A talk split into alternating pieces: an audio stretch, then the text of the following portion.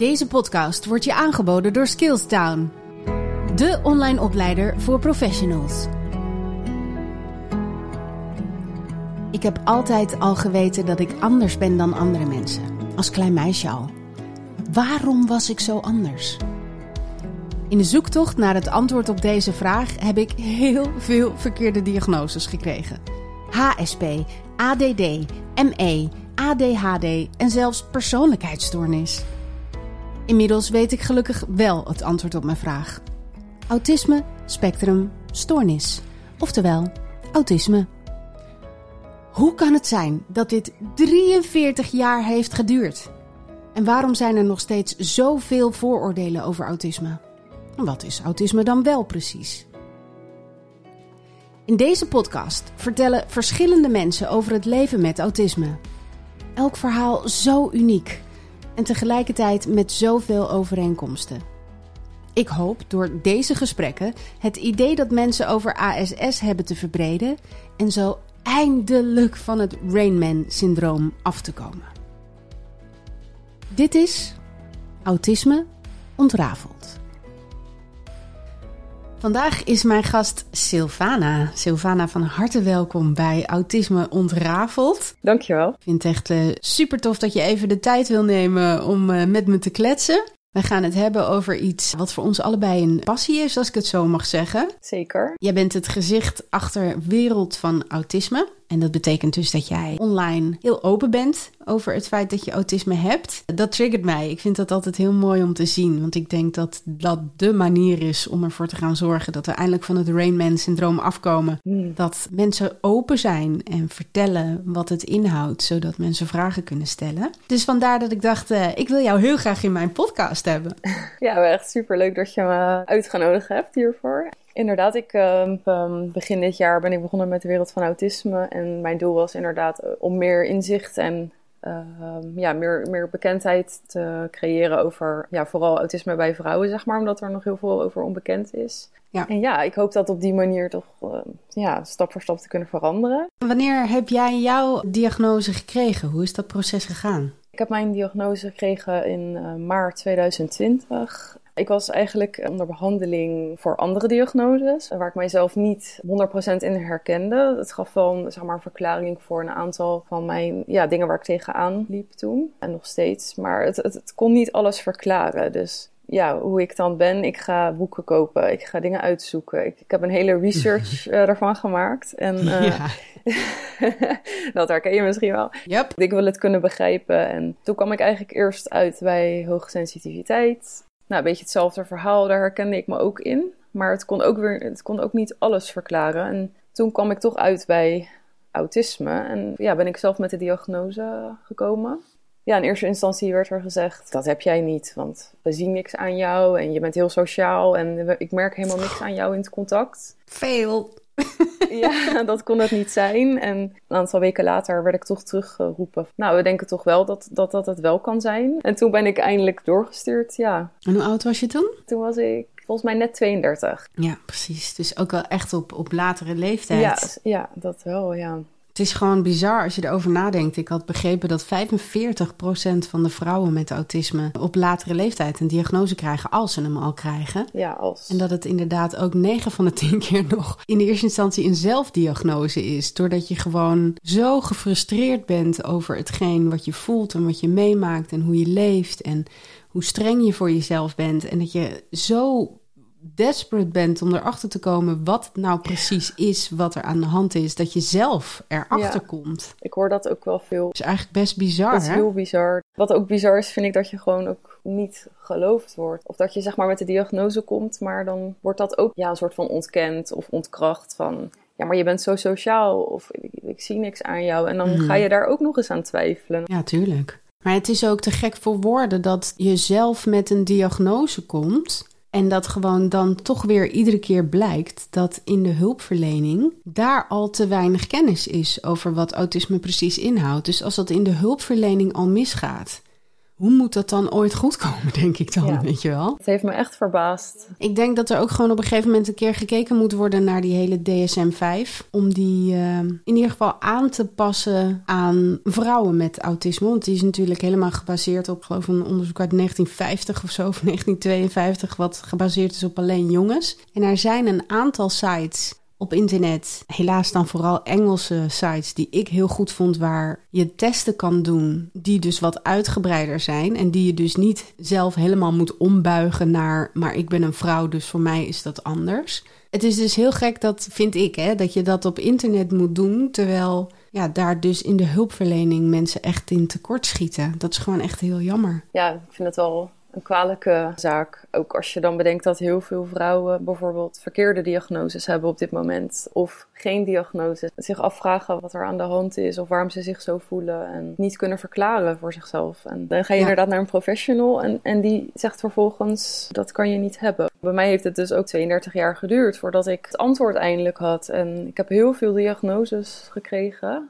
Heel veel verkeerde. En ja, ik had het heel graag veel eerder willen weten. En Wat denk je dat er anders was gegaan als je de diagnose eerder had gehad? Dat ik liever voor mezelf had geweest, dat ik mezelf had kunnen begrijpen, dat ik mijn gedrag had kunnen verklaren. Voelt je een soort van alien hier op de wereld die nergens bij past. Dat kon ik gewoon niet verklaren. En, en voor mijn gevoel was er iets kapot aan mij. Dat heb ik altijd gedacht. En ik had dat heel graag willen weten, zodat ik het voor mezelf had kunnen verklaren. Dat komt daardoor. Daarom heb ik hier zo'n moeite mee. En dan had ik gewoon wat milder naar mezelf kunnen zijn. Ja. Wat waren de dingen tot aan je diagnose waardoor jij ging twijfelen aan jezelf? Waar, waar liep je mee? Ja, vooral het stukje het sociale contact. Van sociale praatjes, wat ik heel erg lastig vind. Tot het aangaan van vriendschappen, wat ik ook heel moeilijk vind. Onderhouden van vriendschappen. Maar ook het inschatten van mensen, zeg maar. Eh, en dan bedoel ik weer, bijvoorbeeld als verbaal en non-verbaal niet met elkaar overeenkomen. Dan kan ik daar heel lang, eh, ja, bijvoorbeeld nog dagen over nadenken van... Wat, wat, wat was dat nou? Of wat voelde ik nou? En het alles over analyseren. Situaties niet kunnen loslaten en daar maar over blijven piekeren. Ja, je probeert het te begrijpen van wat, wat mis ik nou? Of wat, wat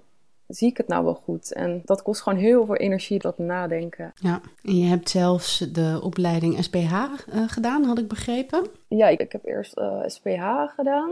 Ja, het is best wel bizar. Ik heb best wel veel gedaan al met autisme, zonder dat ik zelf wist dat ik autistisch was. Maar ik ben er altijd in geïnteresseerd geweest. En ik heb zeg maar een jaar lang stage gelopen op een eh, behandelgroep voor kinderen met autisme. Nou, ik heb dus precies hetzelfde meegemaakt. ik heb dan SPW gedaan. Echt een paar jaar geleden, omdat ik heel graag mijn, mijn man beter wilde begrijpen. Die had toen ook zijn diagnose nog niet. En eh, die had de stempel ADHD gekregen. Maar ja, ik had eigenlijk al vrij snel zoiets van... Tuurlijk heeft hij trekjes, maar hij heeft geen ADHD. Er is veel meer aan de hand. Ik vond dat allemaal zo ontzettend interessant. Ik vind sowieso de menselijke psyche heel interessant.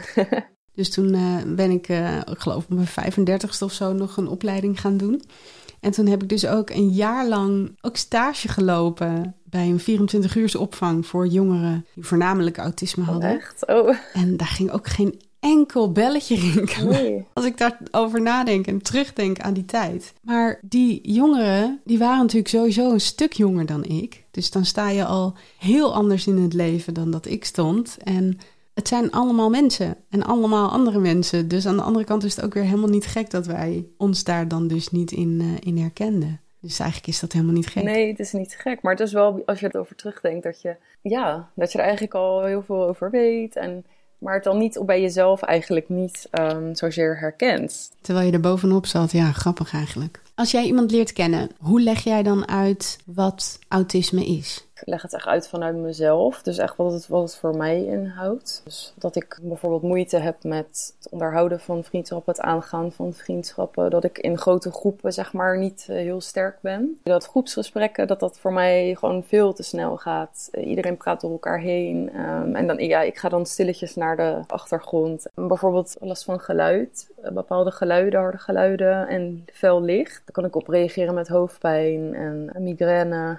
Ja. Nou ja, ja, maar anders voelen. Vooral de overprikkeling is wel echt iets wat ik bij iedereen terughoor. Ervaar je dat zelf ook? Ja, ik heb eigenlijk nog niemand gesproken die zei: uh, Ik heb geen last van, uh, van overprikkeling. Ja. Bij mij is het vooral geluid, maar ook geur. Als ik bijvoorbeeld in de rij sta bij de kassa en er zijn mensen met, met een bepaalde lichaamsgeur, daar kan ik dan heel heftig op reageren. Dat ik echt ja, gewoon naar buiten moet. En dat is soms heel lullig, want die mensen kunnen daar niks aan doen. Maar ja, ik ruik dat gewoon. Ik kan gewoon ruiken wat ze zes straten verderop aan het koken zijn, bij wijze van spreken. Dat is heel heftig en dat is soms helemaal niet prettig, want sommige geuren hebben gewoon direct mhm. invloed op hoe je je voelt. En het is wel eens heel lastig om dat uit te leggen aan iemand die dat niet heeft, weet je wel. Die denkt gewoon, ja, ik ruik ook dat ze parfum op heeft, maar dat ik er dus ontzettende hoofdpijn van heb omdat het net even iets te veel is. Dat is dan heel moeilijk om te begrijpen soms voor andere mensen. Hè? Ik hoor vaak dan dingen zoals van, maar ja, dat heeft iedereen toch wel. Dat, dat is wat ik heel vaak hoor mhm. als ik uitleg wat, wat autisme voor mij is. Bijvoorbeeld dat ik het lastig vind in nieuwe situaties, dat ik dan dingen heel erg voorbereid en scenario's uitdenk. Dat hoorde ik gisteren dan toevallig. Nou ja, maar dat doet iedereen toch wel. Iedereen heeft toch wel moeite met nieuwe situaties. Dan voel ik heel erg die weerstand. Ja het is bij mij nog wel een tikkeltje erger. Want ik kan daar bijvoorbeeld al dagen van tevoren mee bezig zijn. Ik kan er bijvoorbeeld ook niet door slapen dan. En, ik denk toch dat dat bij mij dan anders is dan bij mensen zonder autisme. Die zal ook misschien wel zenuwachtig zijn, maar die gaat. Ja, ik geloof niet dat diegene dan dagen van tevoren al allemaal allerlei scenario's gaat uitwerken in zijn hoofd. Nee. Dat is bij mij toch echt wel kenmerken. Ik denk dat het ook vooral zit in de mate waarin het je beperkt ja. ja, nou ja, als je daardoor bijvoorbeeld niet kan slapen. Of bijvoorbeeld dat je gewoon niks meer, tot niks meer komt. Omdat je, ja, omdat je met die situatie bezig bent. Dan heb je er wel zeker last van. Tuurlijk, iedereen is zenuwachtig als je bijvoorbeeld een uh, sollicitatiegesprek hebt of wat dan ook. Ja, de mate waarin het je beperkt is denk ik wat het dan in dat opzicht autisme maakt. Dat je inderdaad, wat jij zegt, dagen van tevoren al uh, ja, alleen maar daarmee bezig bent, of misschien zelfs fysiek ziek wordt van de stress en van de zenuwen. Ja, dat, dat is dan één. En ook, maar ook na zo'n situatie, dat je dan nog dagen of soms weken bezig bent met verwerken van die informatie. Of dat je dingen probeert te begrijpen van wat bedoelde diegene nou? Of heb ik het nou wel goed gezien? Ehm, had ik anders moeten reageren? Ja. Ik weet niet of jij dat ook herkent. dat je gewoon echt nog dingen ja, maar blijven piekeren, malen. Uh... Jazeker. ja. Ja, ik heb dat ook absoluut. Ik merk wel, moet ik eerlijk zeggen, dat ik nu dat ik wat ouder word, dat ik het een klein beetje af en toe leer om mhm. te parkeren. Maar niet met alles. Het is ook heel erg afhankelijk van welke situatie is het, hoe mhm. belangrijk is het voor me en hoe is mijn state of mind. Ben ik al overprikkeld als ik ergens aan begin? Ja, dan is de kans heel groot dat ik daar nog lang last van heb. Maar ben ik in een goede state of mind, dan lukt het me wel steeds beter om dingen een beetje te parkeren. Maar wat ik zeg, het is heel erg afhankelijk van wat het is. Ik heb laatst wel een heel bijzonder gesprek met mijn zoon gehad. Die is bijna 17 en die heeft ook autisme. Ik vroeg hem, stel dat er een soort morning after pill zou komen, waarbij je als je die neemt, eigenlijk alles wat met autisme te maken heeft in één keer zou verdwijnen. Zou je hem dan nemen? En zijn antwoord was eigenlijk heel snel: nee, absoluut niet. En ik ben daar toen heel erg over na gaan denken zelf. En ik zou dat ook niet doen, omdat ik me gewoon echt realiseer dat voor mijn gevoel, je kunt het natuurlijk nooit met zekerheid stellen, maar voor mijn gevoel denk ik dat 80% van mijn persoonlijkheid bestaat uit dingen die mij autistisch maken. En dat ik misschien maar last heb van 20%. Ik denk dat andere mensen meer last hebben van mijn autisme dan ik ja, zelf. Oké. Ja. Dat is sowieso iets wat heel erg speelt. maar ja, er zijn een aantal dingen die mij beperken. En natuurlijk is dat heel vervelend als ik een, een repetitie heb en heb gezongen en dan drie dagen later nog steeds helemaal kapot ben en eigenlijk nergens toe in staat ben. Natuurlijk is dat heel vervelend, maar het weegt niet op tegen het feit dat ik heel erg creatief ben, dat ik dingen zie en hoor en voel die andere mensen standaard missen. Ja, precies. Dat zijn dingen die voor mij heel veel betekenen en die mij maken tot wie ik ben. Zou jij die pil nemen? Nee, absoluut niet. Echt om, ja, om de reden, dezelfde reden als eigenlijk wat jij zegt. Het, het is ook wie ik ben. En ik denk zonder autisme zou ik niet weten wie ik dan ben. Want het, het is zo'n groot deel van Sylvana. Ja, het oog voor detail, het... Uh, out of the box kunnen denken. Heel erg ja. creatief ook in oplossingen. Maar ook bijvoorbeeld het kunnen inleven of invoelen in diertjes. Ik denk dat dat door mijn autisme dat dat versterkt wordt eigenlijk. En dat zou ik niet willen missen. Ja, ik ben wie ik ben, maar ik vind het soms nog een beetje lastig om te accepteren, als ik heel eerlijk ben. ik zit op dansles en als ik dan, zeg maar voor de les, dan, dan heb je altijd groepsvorming. Iedereen is aan het praten en dan, dan sta ik daar in mijn eentje. En dan is het soms wel confronterend dat ik dan denk van, oh ja, dit is wel, ja, dat ik het moeilijk vind om ergens bij te gaan staan en zeg maar die connectie te maken of te zoeken. Ja, zo herkenbaar.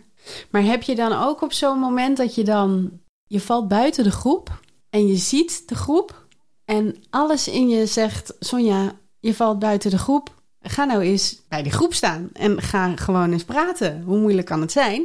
En dat aan de andere kant alles in je lijf schreeuwt: nee hoor, blijf maar gewoon zitten en duik gewoon achter je telefoon, want dan valt het ook niet op en dan vragen ze misschien ook niks.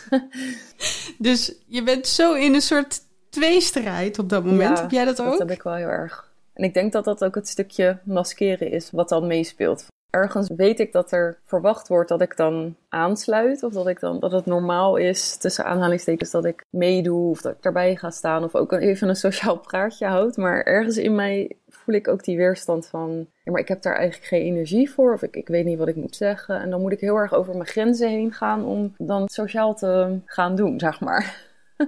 Snap je wat ik bedoel? Ja, absoluut heel herkenbaar. Ja. Ja, het is heel dubbel. Ja, en dan moet je nog beginnen aan je dansles, terwijl je al zo in die tweestrijd zit, wat al zoveel energie kost. Ja, in de les heb ik er geen problemen mee, maar het is echt dus de voor en na de les, zeg maar. Dat, dat ongestructureerde, uh, die momentjes. Ik begrijp het, ik begrijp het heel goed. We gaan naar mijn favoriete onderdeel van de podcast. Dit is echt iets waar ik altijd heel erg van geniet. Ik heb een aantal stellingen dingen die ik in mijn dagelijks leven meemaak of waar ik tegenaan loop of die mij opvallen. En dan ben ik heel erg benieuwd naar jouw reactie daarop. Oké. De eerste is eigenlijk een beetje waar we het net over hadden. Die gaat over maskeren. Maskeren is mijn grootste kracht en valkuil tegelijk. Ik weet wel uit ervaring dat ik er heel goed in ben. Maar of het nou echt een kracht is. Ja. Het is voor mij geen kracht. Het is een manier om te overleven. Uh, om mezelf staande te mhm. kunnen houden in de maatschappij, om niet te vereenzamen. Ja, wauw, mooi gezegd.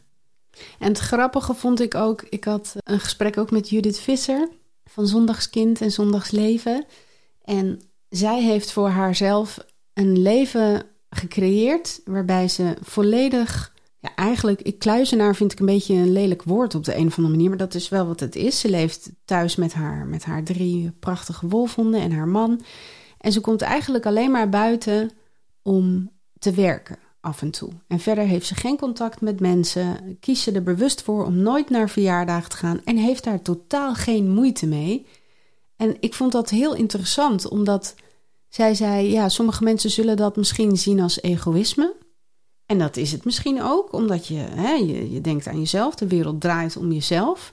Maar ik ben me daardoor eigenlijk gaan realiseren dat egoïsme niet per se altijd iets negatiefs is. En dat dat misschien iets is wat we allemaal een beetje meer zouden moeten leren. Om, uh, om gewoon beter te worden in nee zeggen en aan jezelf te denken.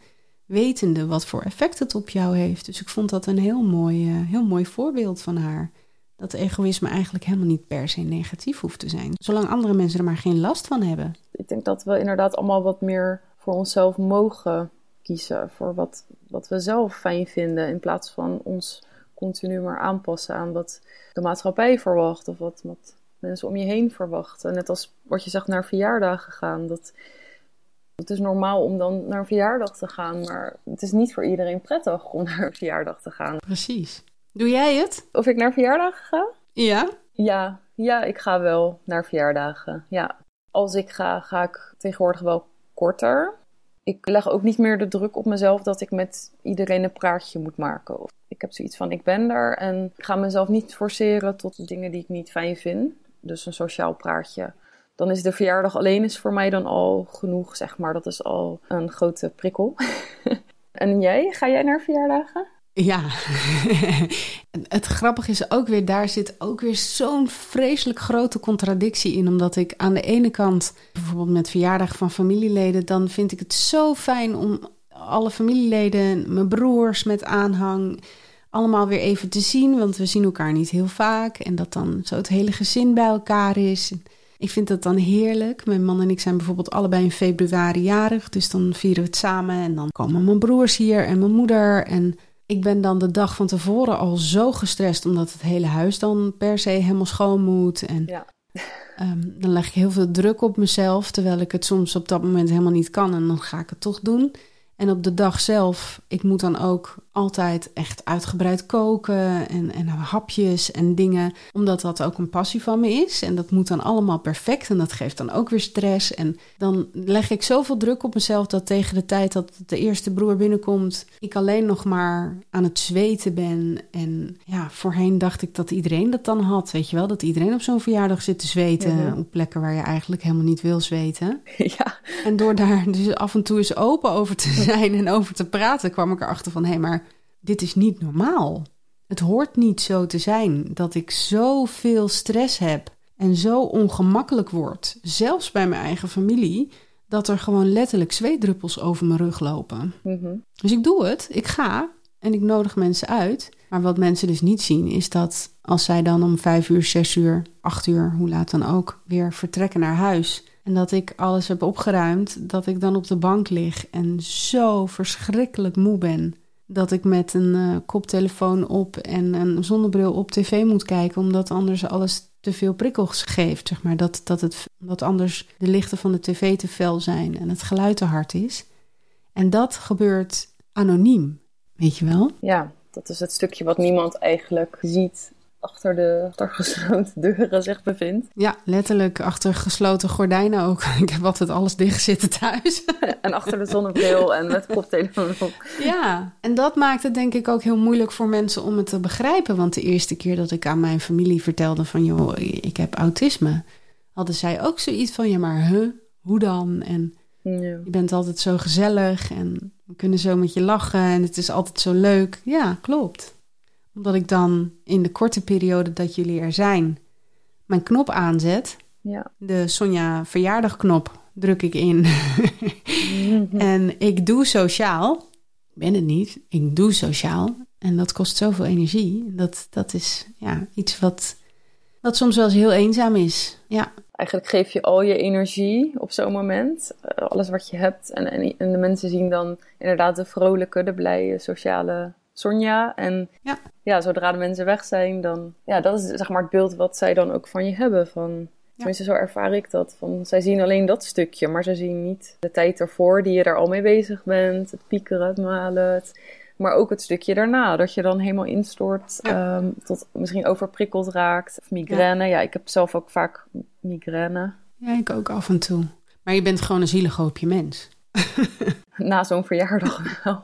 Ja, Ja, ja. De volgende stelling. Ik heb vaak slaapaanvallen. nee, dat heb ik niet. Ik heb wel slaapproblemen. maar dat heb ik eigenlijk al sinds jongs af aan. Dus dat is ook wel weer een soort van normaal. Ja, dat soort dingen worden eh, dan normaal. Ik slaap altijd heel licht. Eh, ik word heel vaak wakker. Voorheen had ik ook last van moeite met inslapen. En eh, sinds anderhalf jaar gebruik ik nu medicatie, waardoor ik dan wel iets makkelijker in slaap val. Ja. Maar niet zozeer slaapaanvallen. Dat bedoel je waarschijnlijk ook overdag. Ja, ik slaap ook vreselijk slecht. Ook al mijn hele leven, van kleins af aan. En bij mij zorgt het er dan af en toe wel eens voor... dat als, als ik echt dagenlang achter elkaar vreselijk slecht heb geslapen... dat ik dan overdag, als ik bijvoorbeeld nu zo in een podcast zou zitten... en dan aan het luisteren ben naar wat jij aan het vertellen bent... dan kan ik echt overspoeld worden door een enorme slaapaanval... Waardoor ik echt moet worstelen om wakker Ja. te blijven. En dat kan dan heel ongeïnteresseerd overkomen, want je zit in een gesprek. Maar dat is gewoon één lichamelijk, alsof er een zwarte sluier over me heen valt. En ik gewoon eigenlijk alleen nog maar één ding wil. En dat is even mijn ogen dicht doen en slapen. Maar ja, je moet werken om de huur te betalen of de hypotheek te betalen. Dus eh, ja, dat kan niet. Ja. Dat kan helaas niet. Ik zou willen dat ik, eh, dat ik zo rijk was dat ik gewoon aan iedere slaapaanval kon toegeven. En kon zeggen, nou, ik ga even Ja. lekker liggen. Maar helaas kan dat niet. Maar eh, ja, ik kan daar echt door overspoeld worden.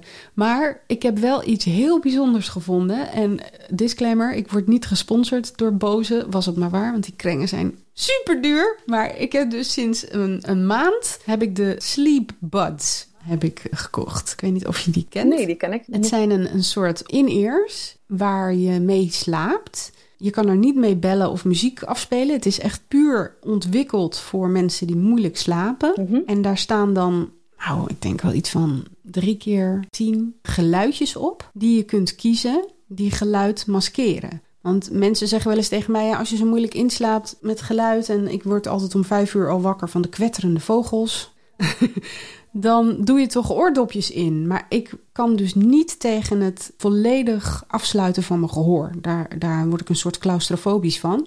Maar deze dingen, ik weet niet hoe ze het hebben gedaan. Ik hoor mijn puppy piepen. Ik hoor het als mijn zoon binnenkomt. Als mijn man tegen me praat, Ja. hoor ik het ook. Maar ik hoor geen kwetterende vogels meer. Ik hoor geen autodeuren meer die dichtslaan voor de deur. Dus de dingen die ik niet wil horen, maskeren ze. En de dingen die je wel wilt horen, die hoor je gewoon. En sindsdien, ik ben nog steeds wel redelijk vroeg wakker. Maar dat is ook gewoon mijn biologische klok. Maar ik slaap door. Dat is echt iets wat ik gewoon al 20, 30 jaar niet meer doe. Dus dat is wel absoluut een, een aanrader voor ja, mensen die misschien luisteren. Je kunt er vogelgeluidjes op zetten bijvoorbeeld. Nou, dat doe ik dan dus niet, want ik word juist wakker van de kwetterende vogels. Maar bijvoorbeeld een white noise. Dus echt de ruis die je bijvoorbeeld hoort van je televisie. Kabbelen van een beekje. Dat doe ik dan ook weer niet, want daar moet ik van plassen. Je hebt dus echt heel veel verschillende soorten. Dus dat is wel echt een goede tip voor mensen die misschien luisteren en denken: Oh, ik wil ook beter slapen. Ze zijn alleen ontzettend duur, maar dit is een hele goede investering eh, in jezelf. De volgende stelling sluit daar een klein beetje op aan. Ik ben chronisch overprikkeld. Er gaat eigenlijk geen dag voorbij dat ik niet een moment heb dat ik denk: Oh, ik ben echt even volledig overprikkeld.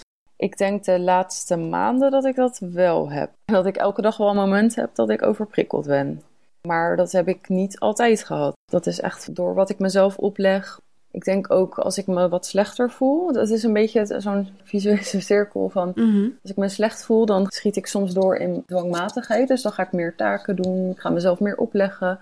Daar raak ik dan weer overprikkeld van. Dan voel ik me weer slecht. En dan vanuit dat gevoel zoek ik dan weer controle. Dus dan ga ik weer Ja. terugvallen in die dwang. En soms kan dat weken eh, wel in stand blijven, zo'n cirkel. Ja. Want dat is ook nog wel een dingetje sinds mijn diagnose. Lijkt het ook allemaal, eh, misschien herken je dat, dat het, het autisme lijkt dan ook erger te worden, wat niet zo is. Maar het valt gewoon allemaal meer op. Ook de overprikkeling. Dat, voorheen merkte ik dat denk ik niet op. Of was het normaal? En nu weet ik, oh, dat is, dit is overprikkeling. Dus ik heb te veel gedaan. Ik denk niet dat ik chronisch overprikkeld ben, maar dat er wel perioden zijn dat ik wat vaker overprikkeld ben, zeg maar. Ja, en gevoeliger bent misschien ook. Klopt. Ik weet niet of jij dat ook hebt, maar ik heb het bijvoorbeeld 's winters veel erger. En dat wordt dan Ja. in mijn ogen een beetje gevoed door het feit dat ik dan veel vaker last heb van een beetje ja, depressieve periodes. Periodes waarin ik gewoon me heel slecht voel, zonder dat ik daar een verklaring voor heb. En ik denk dat dat er echt voor zorgt dat ik tien keer sneller overprikkeld ben dan in de zomer. Als het mooi weer is en je lekker buiten komt. Dat heeft bij mij heel veel invloed. Is dat bij jou ook? Sowieso het weer heeft bij mij heel erg invloed op mijn stemming. Dus in, de, in zeg maar winters ervaar ik dat ook, dat ik dan sneller negatieve, sombere emoties ervaar. Maar ik heb, ik heb het qua overprikkeling denk ik juist andersom. Dat ik in de zomer eerder overprikkeld ben. Juist door het felle licht, de warmte. Bijvoorbeeld, ja, gelukkig hebben we dat dit jaar niet heel veel gehad. Maar als het boven de 30 graden is een paar dagen, dan dan ben ik gewoon wel elke dag overprikkeld door, door de warmte, zeg maar. Omdat mijn lichaam dat niet goed kan handelen, reguleren. Eh, maar van, ja, in de winter ben ik denk ik minder eh, vaak overprikkeld. Dat het wat donkerder is. En wat, dat vind ik juist weer heel fijn eigenlijk. Grappig hè, dat dat, zo, dat, dat zo'n contrast kan zijn. Mij niet bellen. Ik wacht tot de telefoon stopt met bellen en dan app ik degene die mij gebeld heeft. Ja, dat doe ik vrijwel altijd. maar dat is, ja, dat is vaak als ik onverwachts word gebeld, dan, dan ben ik ergens mee bezig. En dan denk ik, ik moet dit eerst even afronden. of Ik ben nu hiermee bezig. Maar dan blijf ik inderdaad wel naar de telefoon kijken. En dan zit ik wel oké, zal, ik, zal ik dan maar toch maar opnemen?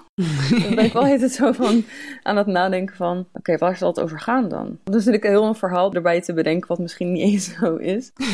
Vooral als het anoniem is, hè? Ja, anoniem neem ik sowieso niet op.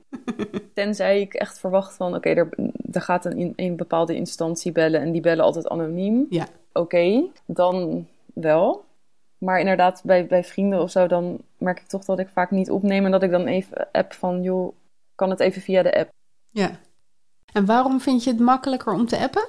Ik denk dat het bellen mij veel, veel energie kost. Het komt dan toch onverwachts vaak. En dan ben ik toch met iets bezig wat ik dan even... Dan, dan is mijn hoofd daar. En dan vind ik het heel lastig om te schakelen van... Uh, bijvoorbeeld dat ik iets aan het maken ben voor Instagram. En dan gaat ineens mijn telefoon en dan moet ik uh, ineens heel wat anders gaan, gaan doen. Dat vind ik toch best wel lastig. En je hebt wat meer tijd om ook na te denken over de manier waarop je gaat reageren, hè? En je kunt emojis toevoegen. Ik ben een enorme fan van de emojis. Want aan de telefoon kun je natuurlijk niet iemand zijn gezichtuitdrukking zien. Mm-hmm. En als iemand appt en er staat een smiley bij, dan kan ik meteen denken: oh ja, oh ja, oh, dit, is, dit is positief bedoeld. Aan de andere kant heb ik dan soms ook wel eens weer dat ik doorsla en dan ga denken: hm, zou dit een sarcastische smiley zijn of niet? Dat herken ik. Dus ja, ik vind dat soms wel eens moeilijk, maar voor mezelf ik ben altijd eerlijk in mijn emojis. Als ik een smiley stuur, bedoel ik het ook echt als een smiley. Dat vind ik wel fijn, dat je gewoon wat meer tijd hebt om na te denken over je reactie en niet direct on the spot moet reageren.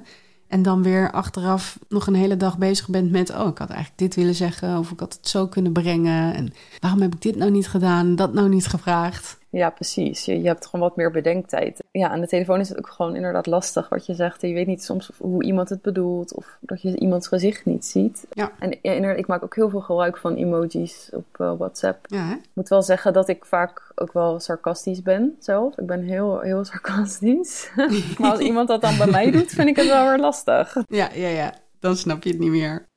Ik houd heel erg van symmetrie en ik doe alles methodisch. En dan geef ik altijd als voorbeeld: als ik naar de supermarkt ga, dan kan ik niet zomaar al mijn boodschappen in een tas gooien. Maar ik doe dat bij wijze van een soort Tetris. Alles moet in elkaar passen. Per se eerst de zware dingen, dan de iets minder zware dingen. En dan de dingen die geplet kunnen worden bovenop. En het moet allemaal in elkaar passen. Symmetrie. Ja, ik vind het wel fijn. Ik vind het ook gewoon mooi als dingen bijvoorbeeld allemaal recht staan. Ik weet niet, het geeft me gewoon een rustgevend gevoel of zoiets dat gaat onbewust, denk ik. Als ik een fotolijstje koop, Mhm. bijvoorbeeld, of een lijstje om dingen die ik heb geschilderd in te doen, dan koop ik er bijna altijd twee, dezelfde. Oh, zo bedoel je. Nooit vier of één, maar altijd twee en heel soms drie. Ik moet gelijk denken aan de volumeknop van de tv, zeg maar. Dat heb ik wel altijd op, op een... Ik weet precies wat je gaat zeggen. Ja, je weet het wel. het moet op een 2, of een 4, of een 6 en 8. Maar een 5 of een 10 mag ook nog. oh, wat erg. Ah, Ja. Dat doe ik echt al sinds ik jong ben. Ik, en dan, het irriteert me als hij dan op, op een 7 staat. Dan, ja, dan, dan blijft dat in mijn hoofd zitten. Dan moet hij naar een 8 of een 6. En dan kan je dan ook niet loslaten. Nee. Ik heb het met een 0 en de 5. Dus of hij staat op 30, of hij staat op 35 of op 40. Maar als mijn man hem op 33 zet, dan zet ik hem snel naar 35. Ah, jij zit allemaal 35. Het is een soort logica. Ik heb het ook namelijk met de airconditioning in de auto. Het is een soort draaiknop inderdaad. En iedere keer als je hem indrukt, Mhm. gaat hij er eentje harder. Maar omdat visueel in dat rondje het per 2 gaat, kan ik hem nooit één streepje harder zetten. Mhm. Het moet dus altijd twee streepjes. twee. Want visueel zitten die streepjes bij elkaar. Ja. Dus eentje word ik nerveus van. Dan moet hij of naar twee of naar vier, maar dus nooit naar één of naar drie. Daar word je onrustig van. Als je het zo zegt, dan denk je toch... Wat is dat voor rare vrouw? Ja, ik doe hetzelfde. Ik word er heel onrustig van. En waar dat nou precies in zit, Ja, toch symmetrie of zoiets. Of, of even getal of iets, ja. het moet gewoon kloppen. Maar niet obsessief. Nee, niet obsessief. Dit vind ik ook altijd een hele interessante. ik heb echt een hekel aan douchen. Ik doe het, omdat ja, het, het moet. Maar vooral in de winter, de overgang van die kou dan... Mhm. voordat je eindelijk warm bent onder de douche... vind ik heel heftig. Ja, En die, die, die straal, die druppeltjes op je huid en op je hoofd. En ik vind het allemaal vreselijk intens. Ik kan soms wel eens dagen hebben dat ik urenlang... als ik bijvoorbeeld thuis moet werken... dat uitstel, omdat ik gewoon echt niet blij word van douchen. Mhm. dus voor jou heel erg... Er zijn heel veel prikkels. Ja, het is een hele intense, hele intense beleving. Als ik bijvoorbeeld gestrest ben, dan ga ik gewoon soms ook wel zitten in de douche. Ja, dan, ik weet niet, dan ga ik gewoon echt eronder zitten en dan laat ik alles over, letterlijk van me afstromen, zeg maar. En eh, alle stress hoop ik dan dat, eh, dat, die, dat het wegspoelt, maar dat is helaas niet altijd zo. Maar ik herken ook wel wat je zegt. Die overgang in de winter, dat vind ik wel echt verschrikkelijk. Dan, dan heb ik heel veel moeite om dan uit de douche te komen. Dus dan heb ik wel eens dat ik dan mijn haar bijvoorbeeld al aan het drogen ben, maar dat ik dan met mijn lichaam nog onder de douche sta. Dat, dat doe ik best wel vaak eigenlijk. Want als ik mijn haar dan weer loslaat, dan krijg je inderdaad weer die druppeltjes. Ik heb niet een hekel aan douchen. Ik word boos van mensen die in mijn buurt smakken of chipzakken kraken. Oh, Of bijvoorbeeld een draaiorgel met die vervelende, rammelende centenbak ernaast. oh, nou, ik heb een misofonie. Dat weet ik al heel lang. Ja. Eetgeluidjes. Ik kom uit een gezin van vier, waarvan er eigenlijk twee met heel veel geluid eten. Op een gegeven moment kon ik daar niet meer tegen als kind. Ik werd er zo boos van. Ik wilde gewoon alles bij elkaar schreeuwen eigenlijk. Dus op een moment besloot ik van, ik ga op de bank eten. En dan deed ik ook vaak nog de tv aan. Maar dan nog hoorde ik die eetgeluidjes er doorheen. En ik was daar dan zo op gefixeerd dat ik... Ja, ik raakte er gewoon van overprikkeld ook. Mhm. En tegenwoordig eigenlijk vooral eetgeluiden. Dat vind ik echt het ergste. Vreselijk, hè? Vreselijk. Of Ja. in de bioscoop, dat iemand dan heel erg luid popcorn gaat zitten eten. Of, of in de trein, dat iemand dan net een appel gaat eten. Dat ik denk, oh, moet dat nou, moet dat nu? Oh. En dat duurt dan ook heel lang. En ik hoor letterlijk elk hapje, elk geluidje. Dat is echt Ja, heel intens. ja. En smakken. Oh, mensen die smakken. Ik, ik denk niet dat mensen die zelf geen misofonie hebben... kunnen begrijpen hoe graag je op dat moment iemand pijn wil doen. En dat zit zo niet in mijn systeem. Ik ben heel vredelievend. Ik moet huilen van agressie. Ik kan er echt niet tegen. Als andere mensen agressief zijn, dan raak ik helemaal in paniek. Dus dat zegt wel iets over hoe ik in elkaar zit. Maar als er iemand naast me zit te smakken, dan wil ik het liefst gewoon iemand knock-out mappen. ja. En je kan daar niks aan doen. Nee, je kan er niks aan doen. Maar het loopt zo hoog op. Je staat echt op ontploffen. Ja, en soms vind ik het ook echt lullig voor mijn man, want die is zich daar gewoon niet van bewust. En die doet dat helemaal niet expres, maar dan pakt hij een zak chips. En dan moet hij van mij per se terug naar de keuken om een eh, kommetje te halen om de chips in te doen, zodat die stomme zak niet meer kraakt. Zelfs dat triggert al boosheid bij mij. Dus je hebt ook een misofonie. Ja, ja, absoluut. Het grappige is dat ik voorheen dus echt geen idee had dat dat bestond. En ik dacht echt, nou, volgens mij heeft iedereen dat ook weer zo, weet je wel. Iedereen wordt daar boos van. Dus ik ben me altijd heel erg bewust van hoe ik eet en, en dat ik dus geen chipszakken laat kraken. En ook weer door erover te gaan praten, achtergekomen dat het dus helemaal niet normaal is. Maar dat, dat denk je met heel veel dingen. Dat, Ja. dat iedereen dat soort dingen heeft. Dat heb ik met, met heel veel dingen. Dat ik nu pas erachter kom van. Dat mensen dan zeggen: oh, dat is helemaal niet normaal. Bijvoorbeeld stress op het werk. Ik, ik liep echt zo over op werk. Maar ik dacht dat iedereen dat had. Iedereen liep daar met stress. En, maar kennelijk is dat dus niet zo. Nee. Omdat je dat al heel je leven hebt, denk je dat dat normaal is. Dat dat erbij hoort. Dat Ben je op dit moment in staat om te werken? Op dit moment ehm, niet. Ik werkte hiervoor ehm, in het ziekenhuis. Ik heb gewerkt als verpleegkundige op een eh, verpleegafdeling. En daar ben ik uitgevallen met een burn-out. En sindsdien ben ik ehm, niet meer werkzaam geweest, nee. Maar dat is ook best wel stressvol werk natuurlijk, verpleegkundige. Ja, dat was heel, heel stressvol. Ja. Ook eh, wisselende diensten, nachtdiensten, avond, Niet weekend. te ehm, Doen, die onregelmatigheid. Nee, en dat, is, dat was ook heel erg maskeren. Want ik, ik, er, aan de ene kant legde ik mezelf dat op. Van ik moet dat ook gewoon kunnen, want andere mensen kunnen dat ook. Dus heel erg hard voor mezelf. Ja. Ja, en ik wilde gewoon graag in het ziekenhuis werken. Want dat, dat deden dan vriendinnen bijvoorbeeld ook. Of klasgenootjes. Dus dat moest ik dan ook wel kunnen. Zoveel druk op mezelf gelegd daarmee. Maar ook vanuit de afdeling, dat, dat het dan allemaal net niet genoeg was. Dat ze nog meer druk op, op me gingen leggen, zeg maar. En op een gegeven moment trok ik dat niet meer. En ik ben ergens wel blij dat ik, dat, dat is gebeurd. Eigenlijk heel blij, want anders had ik waarschijnlijk nu nog niet geweten dat ik autistisch ben. Mhm. Dus het heeft me wel ook veel gebracht. Het is een soort van nieuwe start geweest voor mij, een nieuw eh, begin. Ja, mooi. Dat is natuurlijk heel erg. Ik heb het ook meegemaakt. Ik heb ook drie jaar op de bank gelegen. Dat ik helemaal niks meer kon. Maar dat heeft er wel voor gezorgd inderdaad dat ik heb geleerd om mijn lichaam te managen. Te zorgen dat ik nee ging leren zeggen. Om niet meer terug op die bank te hoeven.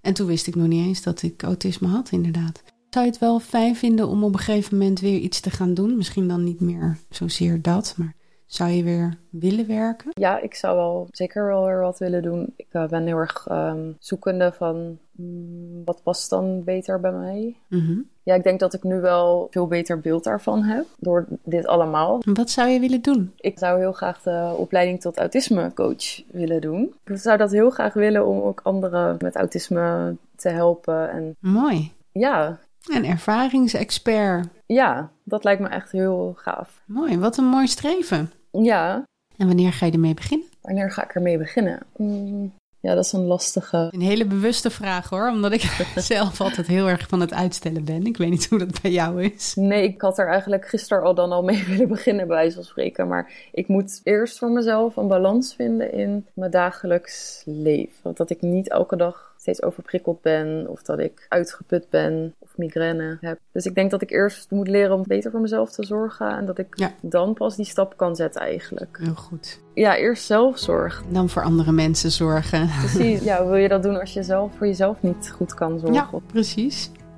Blijf vooral lekker doen wat je doet. En eh, wat ik zeg, ik blijf je volgen. Dankjewel. Eh, heel erg bedankt voor je tijd en je energie. Ik ga je nu lekker laten gaan voordat je straks helemaal instort. bedankt voor het luisteren.